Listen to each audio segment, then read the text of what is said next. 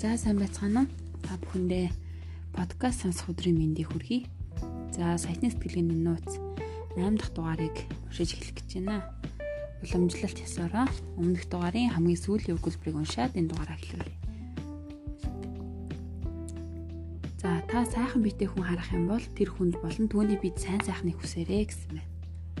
Баялагын зарчим нь та өөрийнхөө хүсэж байгаа зүйлд сайн сайхныг хүсэх гэдэг уншаад дууссан маань. За цааш нь үргэлжлүүлээд уншийе. Үүний утга нь та баян хүний эдэлж эзэмшиж байгаа зүйлд дургуутсах юм бол хизээч өөрөө тийм зүйлтэй болж чадахгүй гэсэн үг юм. Хэрвээ та Люкэ онгойлгосон тансаг хар ягвартай хүн харах юм бол бүү түүний машин руу шар яригны лаад шид. Тунхаглал. Гараа зүрхэн дээрээ тавиад би баян хүмүүсийг биширдэг. Би баян хүмүүс сайн сайхныг хүсдэг Би баян хүмүүсийг хайрладаг. Би өөрөө ч гэсэн тэдгээр баян хүмүүсийн нэг болно гэж хэл. За толгойдоо гараа үргээд би сайтны сэтгвэтэй, би сайтны сэтгвэтэй гэж хэлэх нь. За сайтны сэтгвээ хөгжүүлэх дасгал нөгөө 17 арга аргачлалын баялагын файл 6-ыг нь уншсан 6-гийн дасгал ажил байх нь. За би уншаад өгье. Нэгдүгээрх нь өөрийн хүсэж байгаа зүйлд сайн сайхныг хүс гэдэг хуунагийн гүн ухааныг хэрэгжүүл эргэн тойрноороо явж гоёмсог байшингуу таньсан машинуудыг харан амжилттай бизнесүүдийн талаар унш. Та өөрт таалагдсан болгондоо сайн сайхныг хүсч тэдгэрийг эзэмшиж байгаа болон хамааралтай бусад хүмүүст ч гэсэн сайн сайхныг хүсээрэй. За хоёрдугаарх нь аль нэг салбарт өндөр амжилт гаргаж байгаа хин нэгэнд богино цахиа юм уу имэйл бичиж түүний гаргасан амжилтын төлөө хичнээн биширч хөндлөдөг болохоо хэл. За хоёрд дасгал нь энэ байна. За 17 арга ажиллагааны баялагын файл 7 дахь нь. Баян хүмүүс амжилт гаргаж байгаа эрэх хүнтэй холбогддог. Баян хүмүүс амжилт гаргаж байгаа эрэх хүнтэй холбогддог. Ядуу хүмүүс сөрөг юм уу амжилтгүй хүнтэй холбогддог. Амжилт гаргаж байгаа хүмүүс нь өөрсдийн урам зориг нэмэгдүүлэх зорилгоор бусад азтай хүмүүсийг хардаг Тэд бусад амжилт гаргаж байгаа хүмүүсийг суралцах загвар болгон ашигладаг. Тэд үүнийг хийж чадчих байгаа юм бол би ч гэсэн чадчих таарна гэж тэд өөртөө итгэдэг. Баян хүмүүс өөртөөс нь түрүүнд бусад хүмүүс амжилтанд хүрч өөрсдөд нь даган дуурайх замаар илүү хэлбэрхэн амжилтанд хүрэх загвар бий болгож өгсөнд талархдаг. Бүтээсэн зүйлийг дахин шинээр хийж бүтээ шинээр бүтээж яах юм бэ? Бараг бүх хүн тохиромжтой амжилтанд хүрэх батлагдсан аргууд байдаг. Ийм учраас эд баялагийг бий болгох хамгийн түргэн бөгөөд хэлбэр арга бол мөнгөний эзэн байж чаддаг баян хүмүүс тоглоомыг хэрхэн тоглодгийг л сурах явдал юм а. Үүний зорилго нь тэдний дотоод ба гадаад стратегиудыг даган дуурайхад л оршдог. Энэ нь ч учиртай юм. Та тэдэнтэй яг ижил үйл хөдлөл хийж яг ижил байдлаар сэтгэх юм бол яг ижлэл үр дүнд хүрэх болно. Энэ бол миний хийсэн зүйл бөгөөд үүний талаар л энэ номонд яриад байгаа юм баян хүмүүсийн эсрэгээр ядуу хүмүүс бусад хүмүүсийн амжилтын талаар сонсоод ихэнхдээ тэднийг шүүмжлэх буюу давхуурхах замаар өөрсдийн төвшөнд буцаан авчрахыг хичээдэг. Таны ойр тойронд ийм хүмүүс хэр байдаг вэ? Танай гэр бүл тийм хүмүүс байдаг уу? Асуудлын гол нь та доош нь хийх гэж байгаа хүнээсээ яаж суралцах, хэрхэн санаа авах боломжтой вэ гэдэгт л оршиж байгаа юм шүү дээ. Би маш баян хүнтэй танилцах болгондоо түүнтэй хурдхан шиг ойлголцох байдлыг бий болгодог. Би тэдэнтэй ярилцах, яаж сэтгэж байгаас нь суралцах, харилцаа холбоо өргөжүүлэх, танилын хүрээгээ тэлэх дуртай. Өөрөөр өөр бусад ижил зүйл байвал ховын найз нөхөд болох ч боломжтой. Дашрамт хэлэхэд та намайг баян хүмүүстэй нөхөрлөхийг илүүд үзэж байгаа байгаа нь буруу гэж бодож байгаа бол та өөрөө ядуу хүмүүстэй нөхөрлөхийг илүүд үздэг гэж үү? Би тэгж бодохгүй байна. Миний өмнө хэлсний дагуу энерги эрчхүүч бусдад халдварладаг бөгөөд би л тэдний энергийг авахыг хүсэхгүй. Би саяхан радиод ярилцлага өгч байтал нэг эмэгтэй утсаар би өөртөө ихтгэл төгс бөгөөд уур шалах ахихыг хүсэж байгаа боловч манай нөхөр уруудагч бол би яах вэ? Би түүнийг хаях ёстой юу? Түүнийг өөрчлөхийг хичих юу? Яах вэ гэж асуулаа. Би сургалтаа явуулж байхдаа энэ асуултыг 7 хоногт доороо хийж дор хаяж 100 удаа сонсдог. Бараг л хүн бүр ижил асуулт асуудаг. Хэрвээ миний хамгийн татна хүмүүс хүмүүс өсч дэвждэггүй бөгөөд тэр байд гоён талаар намайг доош чангаадаг бол яах вэ? Би уцаар ирсэн эмэгтэйд өгсөн хариултаа буюу өөрийн сургалтын дээр хүмүүст хэлдэг мөн танд ч гэсэн хэлхийг хүсэж байгаа хариултаа өгье. Нэгдүгээрт урагш муутай хүмүүсийг өөрчлөх юм уу сургалтын цуулах гэж хичээсэн хэрэггүй. Энэ бол таны ажил биш. Таны ажил бол сурсан зүйлээ ашиглан өөрийгөө болон амьдралаа сайжруулах явдал юм. Та үлгэр жишээ, хэмэрлэг, аз жаргалтай байх юм бол магадгүй тэд танаас ямар нэг гэрэлтгийг олж харан өөртөө мөн ийм болохыг хүсч болох юм дахин хэлэхэд эрч хүч энерги халдвартай байдаг. Түнэр харанхуйч гэрэл хасгад сарндаг. Эрийн тойрондоо гэгээтэй байхад хүмүүс ханахгүй байх юм гэлт нилээд хичээх шаардлагатай болдог. Таны ажил бол өөрөө л дээд боломжоор байх явдал юм. Хэрвээ тэд таны нууцыг асуух юм бол хэлж өг. Хоёрдугаарт та тайван анхаарал төвлөрсөн амар амгалан байхдаа өөрийн хүсэж байгаа зүйлийг хэрхэн илэрхийлэх тухай гайхамшигт сургалт гайхамшигын сургалт хөтөлбөртөө заадаг бас нэг зарчмыг санаж яв. Энэ нь бүх юм шалтгаантай байдаг бөгөөд шалтгаан нь бидэнд тусалдаг гэсэн зарчим юм. Тийм ээ. Урагш муутай хүмүүсийн дунд бүтлгүүтлийн орчинд ихтгэл төгс ухамсартай байна гэдг нь хамаагүй зүйл хамаагүй хэцүү зүйл байх боловч энэ нь таны шалгуур болох болно. Ган төмөр галдах, ган төмөр галд хатуурдаг шиг эргэн тойронд байгаа хүмүүс танд эргэлзэж бүр буруутгаж байхад та өөрийн үнэт зүйлсэд итгэсэн хэвээр л байх юм бол та илүү түргэн өсч хүчрэгч чинь. Мөн ямар ч зүйлд бидний түүнд өгөх утга учраас өөр утга учир гэж байдаггүй гэдгийг санаарай. Энэ номын нэгдүгээр хэсэгт бид өөрсдийн эцэгхийн үйл хөдлөлийг хэрхэн ойлгож байгаагаас хамаарч тэдэнтэй ижилхэн болох юм уу эсвэл сөргөлдөж дуустах тухай ярьсан билээ.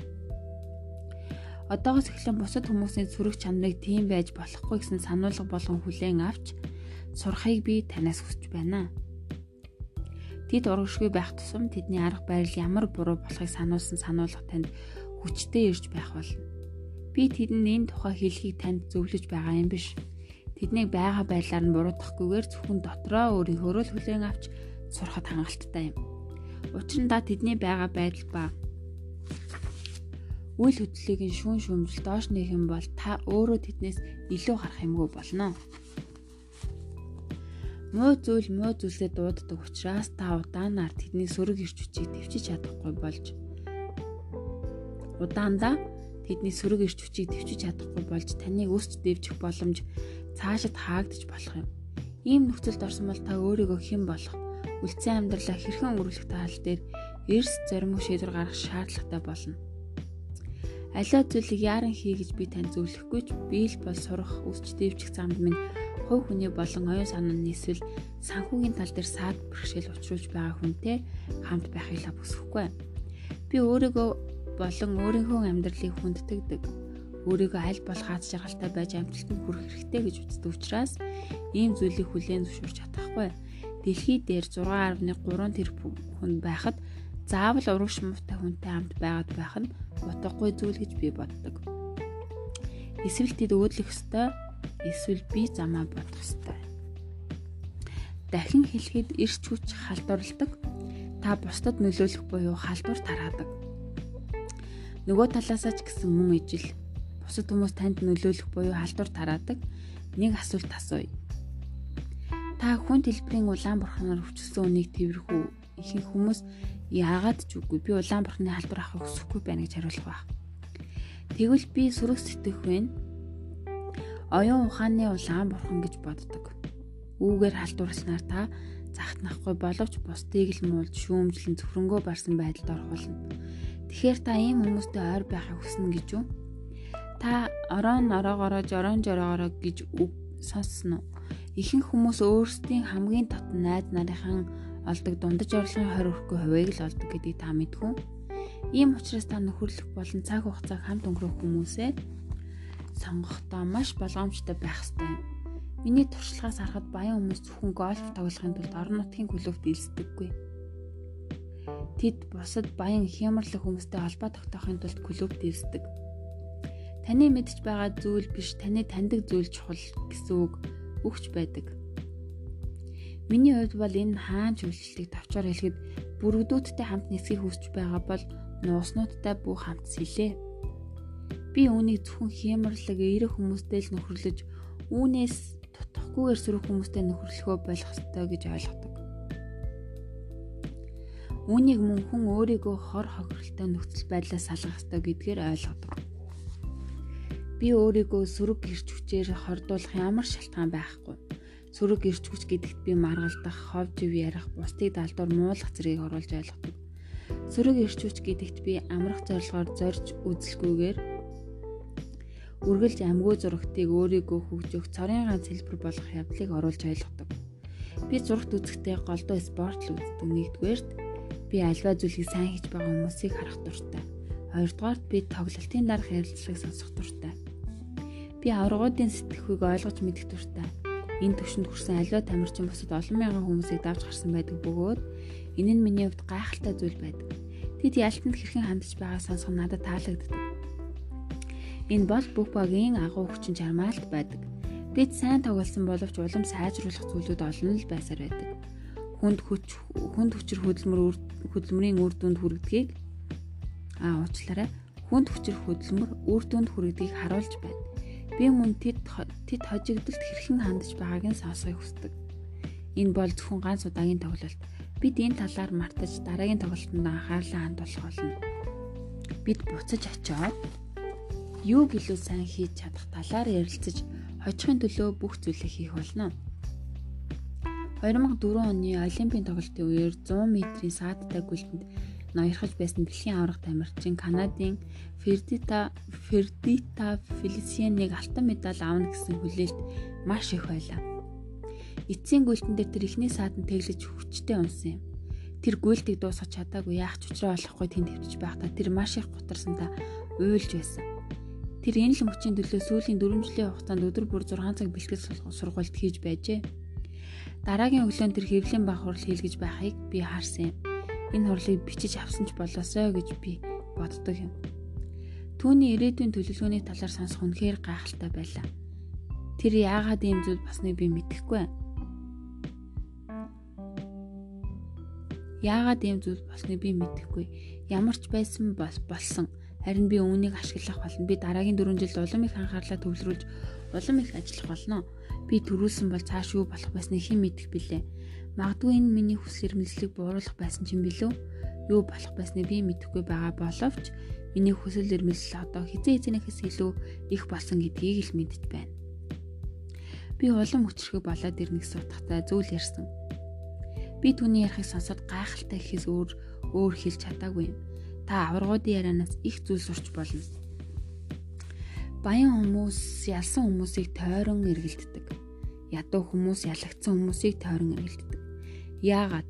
Энэ бол тааламжтай байх тухай асуудал юм. Баян хүмүүс бусад хямрлах хүмүүстэй хамт байхдаа тааламжтай байдаг. Тэд өөрсдөө тэдэнтэй хамт байх ёстой гэж боддог. Ядуу хүмүүс хямрлах хүмүүстэй хамт байхдаа тавгүй байдаг. Тэд өөрсдөө гологдно гэж айх юм уу тэнд байх ёсгүй мэт сандаг.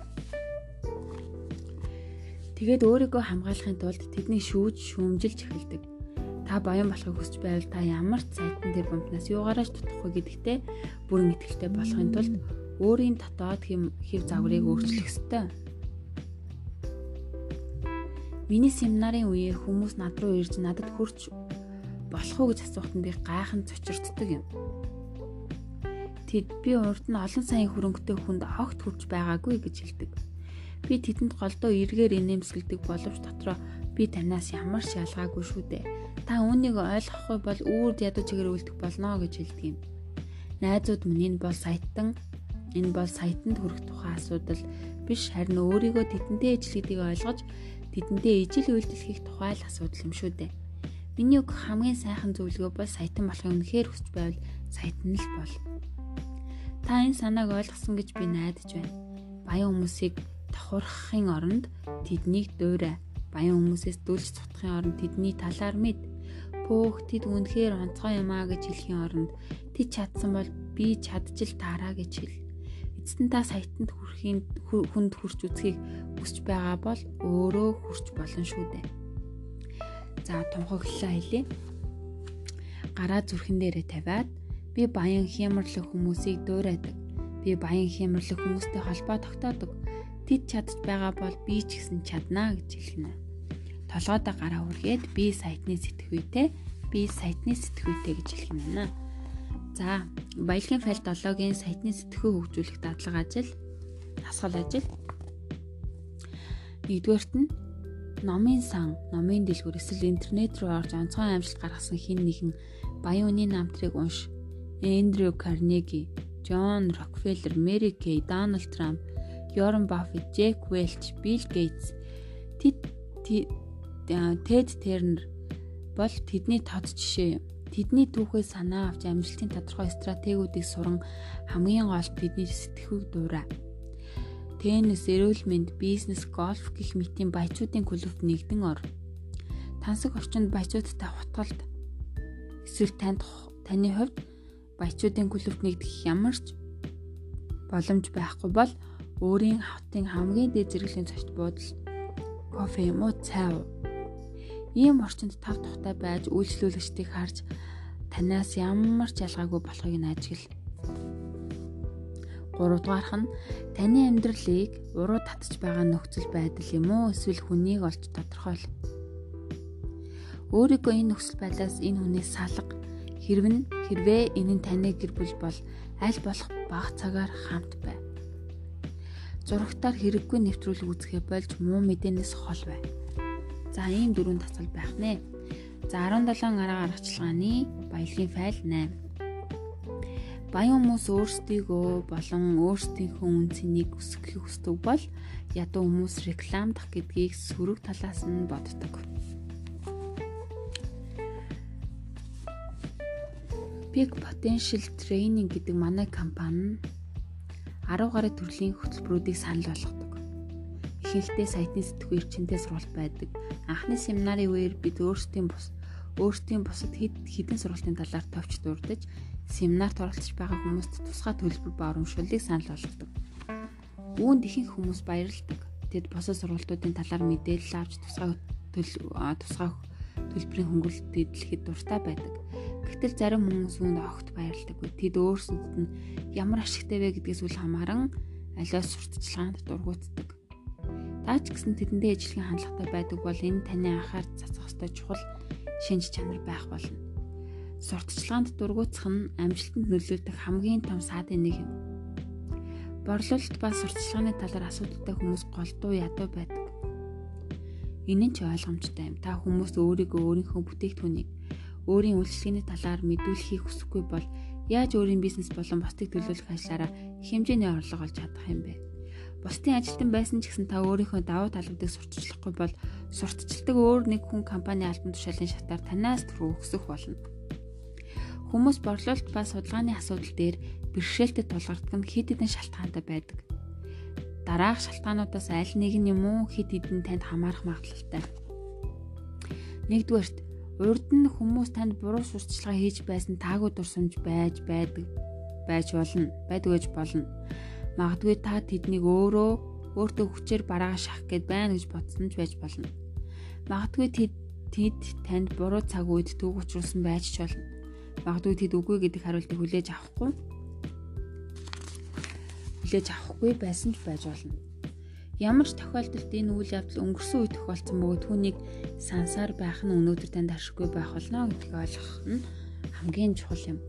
Хоёрдугаарт Та өөрөө ямар нэг зүйлийг бусдад худалдахаар оролдоод амжилтанд хүрэхгүй нөгөө хүн чинь таныг үгүйсгсэн байж болно. Энэ тохиолдолд сурталчилгаан дургуутах таны бодол зөвхөн таны бүтлгүүтэл болон татгалцсан хариу авах айдсын л илэрл байх болно. Өнгөрсөн ирээдүйдээ ижил байх албагүй гэдгийг ойлгох хэрэгтэй. 3 дугаарт таны асуудал бага насны эцэг эхийн тань аль нэг аль нэгэн суулгасан програмтай холбоотой байж болно. Бидний дундаас олонх нь өөрийгөө магтах нь элдэг бус байдал гэсэн үгийг сонсож өссөн. Хүн элдэг болсон байж байгаад амьдралаа залгуулж чадаж байвал болж л байна. Гэвч бодит байдал дээр бизнес ба мөнгөний асуудал дээр таал өөрийгөө магтахгүй бол хинч таныг магтахгүй гэдгийг би танд батлан хэлье. Баян хүмүүс өөрсдийн сайн чанарууд ба үнэт зүйлсээ өөрсдийг нь сонсох, хамтарч бизнес хийх найдвартай хүмүүст магтахад ямагт бэлэн байдаг. Эцэст нь зарим хүмүүс сурталчилгааг өөрөөсөө доогуур зүйл гэж боддог. Би үүнийг ихэнх ихэрхэх синдром буюу өөрөөр хэлбэл би тийм онцгой биш гэж юу гэж хэлсэнтэй ялгаагүй зүйл гэж боддог. Энэ тохиолдолд тэд хүмүүс надад байгаа зүйлсийг зүйлийг хүсч байвал намайг яаж иж байгаад олж ирэх ёстой гэж боддог.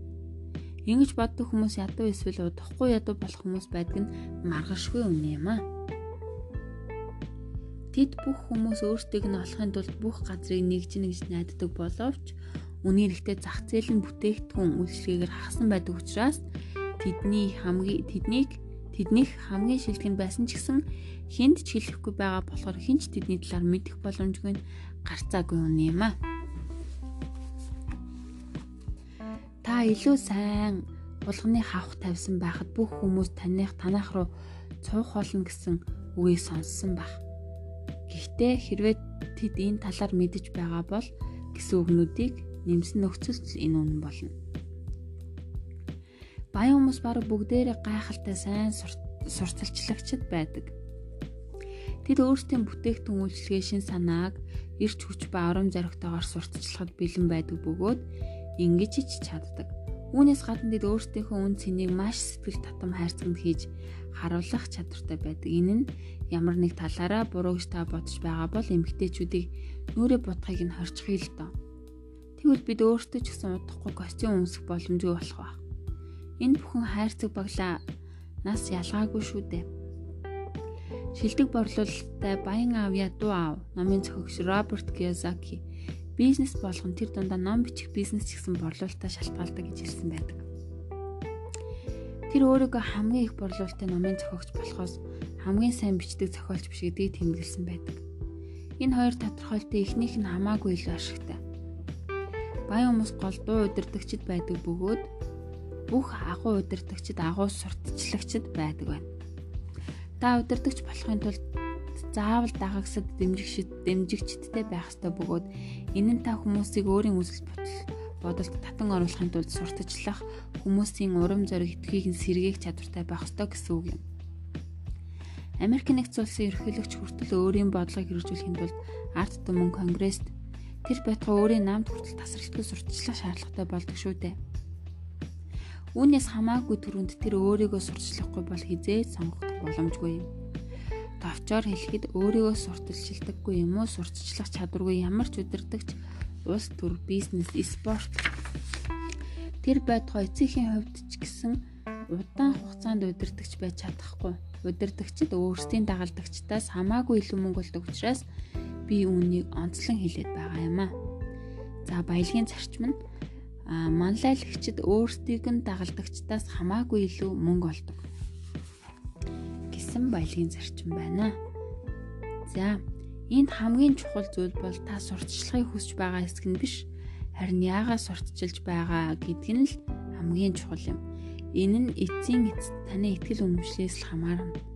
Та өөрийнхөө үн цэнэд үнэхээр итгэдэггүй. Та өөрийн санал болгож байгаа бүтээгдэхүүн юм уу үйлчлэгэнд итгэдэггүй. Танд байгаа зүйл сурталчилгаа хийж байж хүмүүст үр ашиг өгнө гэдэгт та үнэхээр итгэдэг. Та өөрийн үн цэнд итгэдэг бол итгэдэг бол түүнийг хуваалцах шаардлагатай хүмүүсээс нуух нь ямар хэрэгтэй юм бэ? Та үений өрөслийн юм худалддаг бол ийм өвчнөр шаналж байгаа хүнтэй таарлаа гэж бодъё л доо. Та үүнийг түүнээс нуух уу? Тэр хүн таны бодлыг уншиж өөрт нь хэрэг болох бүтээгдэхүүн танд байгаа юм байна гэдгийг мэдхийг хүлээх гэж үү? Хитрхи ичмгийг, хитрхи аймхаа эсвэл хитрхи хинэггүйгээсээ болж зов сонилж байгаа хүмүүст өөрт нь байгаа боломжийг санал болгохгүй байгаа хүнийг та юу гэж үзэх вэ? Ихэнх тохиолдолд сурталчилгааны бэрхшээлтэй хүмүүс өөрсдийн бүтээгдэхүүнд болон өөрсөддөө бүрэн итгэдэггүй хүмүүс байдаг. Ийм учраас бусад хүмүүс бүхий л боломжийг ашиглан тааралцсан хүмүүстэйг өөрсдийн үн цэнтэй зүйлийг хуваалцах гэж хичээдэг гэдгийг ойлгож төсөөлөх нь тэдэнд хэцүү байдаг та өөрт байгаа зүйлээ бусад хүмүүст тус болно гэж итгэж байгаа л бол аль болохоор олон хүнийн тухай мэдгдэх нь таны өөрөг юм. Ингэснээр та бусад хүмүүст туслаа зогсохгүй баян болох болно. За тунхаглалаа уншицгаая. Гараа зүрхэн дээрээ тавиад би өөрийн үн цэнийг бусад хүмүүст ирч хүч ба урам зоригтойгоор сурталчилдаг. Би өөрийнхөө үн цэнийг бусад хүмүүст ирч хүч ба урам зоригтойгоор сурталчилдаг гэж хэлээ толгойдоо гараа хүргээд би сайтны сэтгүүтэй би сайтны сэтгүүтэй гэж хэлэх нь байна. За баялагын файл 7-гийн сайтны сэтгхүйг хөгжүүлэх арга ажиллагаа буюу дасгал ажлыг уншиж үгэй. Нэгдүгээрт нь та одоогийн санал болгож байгаа бүтээгдэхүүн юм уу үйлчлэгээнийхээ үн цэнд ямар хэмжээгээр итгэж байгаагаас байгаагаа 1-ээс 10 хүртэл оноогоор үнэл. Таны үнэлгээ 7-оос 9 байгаа бол бүтээгдэхүүн юм уу үйлчлэгээнийхээ үн цэнийг өсгөхийн тулд тэдгэрийг шинчил. Таны үнэлгээ 6 юм уу түүнээс доош бол тэр бүтээгдэхүүн юм уу үйлчлэгийг бусдад санал болгоход зогсоо. Зогсоож өөрийн жинхнэр итгэдэг зүйлийг санал болгож эхлэе гэсэн байна. Хоёрдугаарт нь маркетинг ба борлуулалтын тухай ном уншиж бичлэг сонсох сургалтанд суув. Энэ хоёр салбарыг өөрийн үн цэнийг 100% шууд 100% шудраг арга замаар өсгөх хэмжээнд хүртэл эзэмш. За ийм хоёр тасгал ажил байна.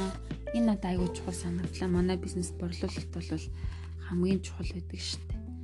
Тэгэхээр би бас нөгөө хүмүүс өөрийгөө одоо бүтээгдэхүүнээ ярихдаа жоохон муу. Тэгээд энэ тал дээр өөрийгөө илүү хөгжүүлэе гэж бодож байгаа. Тэгээд энэ бас их чухал сэдв байна. Дахин дахин уншмаар та бүхэн минь ч гэсэн хэрвээ сайтны сэтгэлгээний нууц номоо авсан байгаа бол энэ хэсгийг дахин дахин уншаарай. За баялагын файл 9 За баян хүмүүс өөрсдөд тулгарсан бэрхшээлээс илүү том байдаг бол ядуу хүмүүс өөрсдөд тулгарсан бэрхшээлээс илүү жижиг байдаг аа гэсэн байна.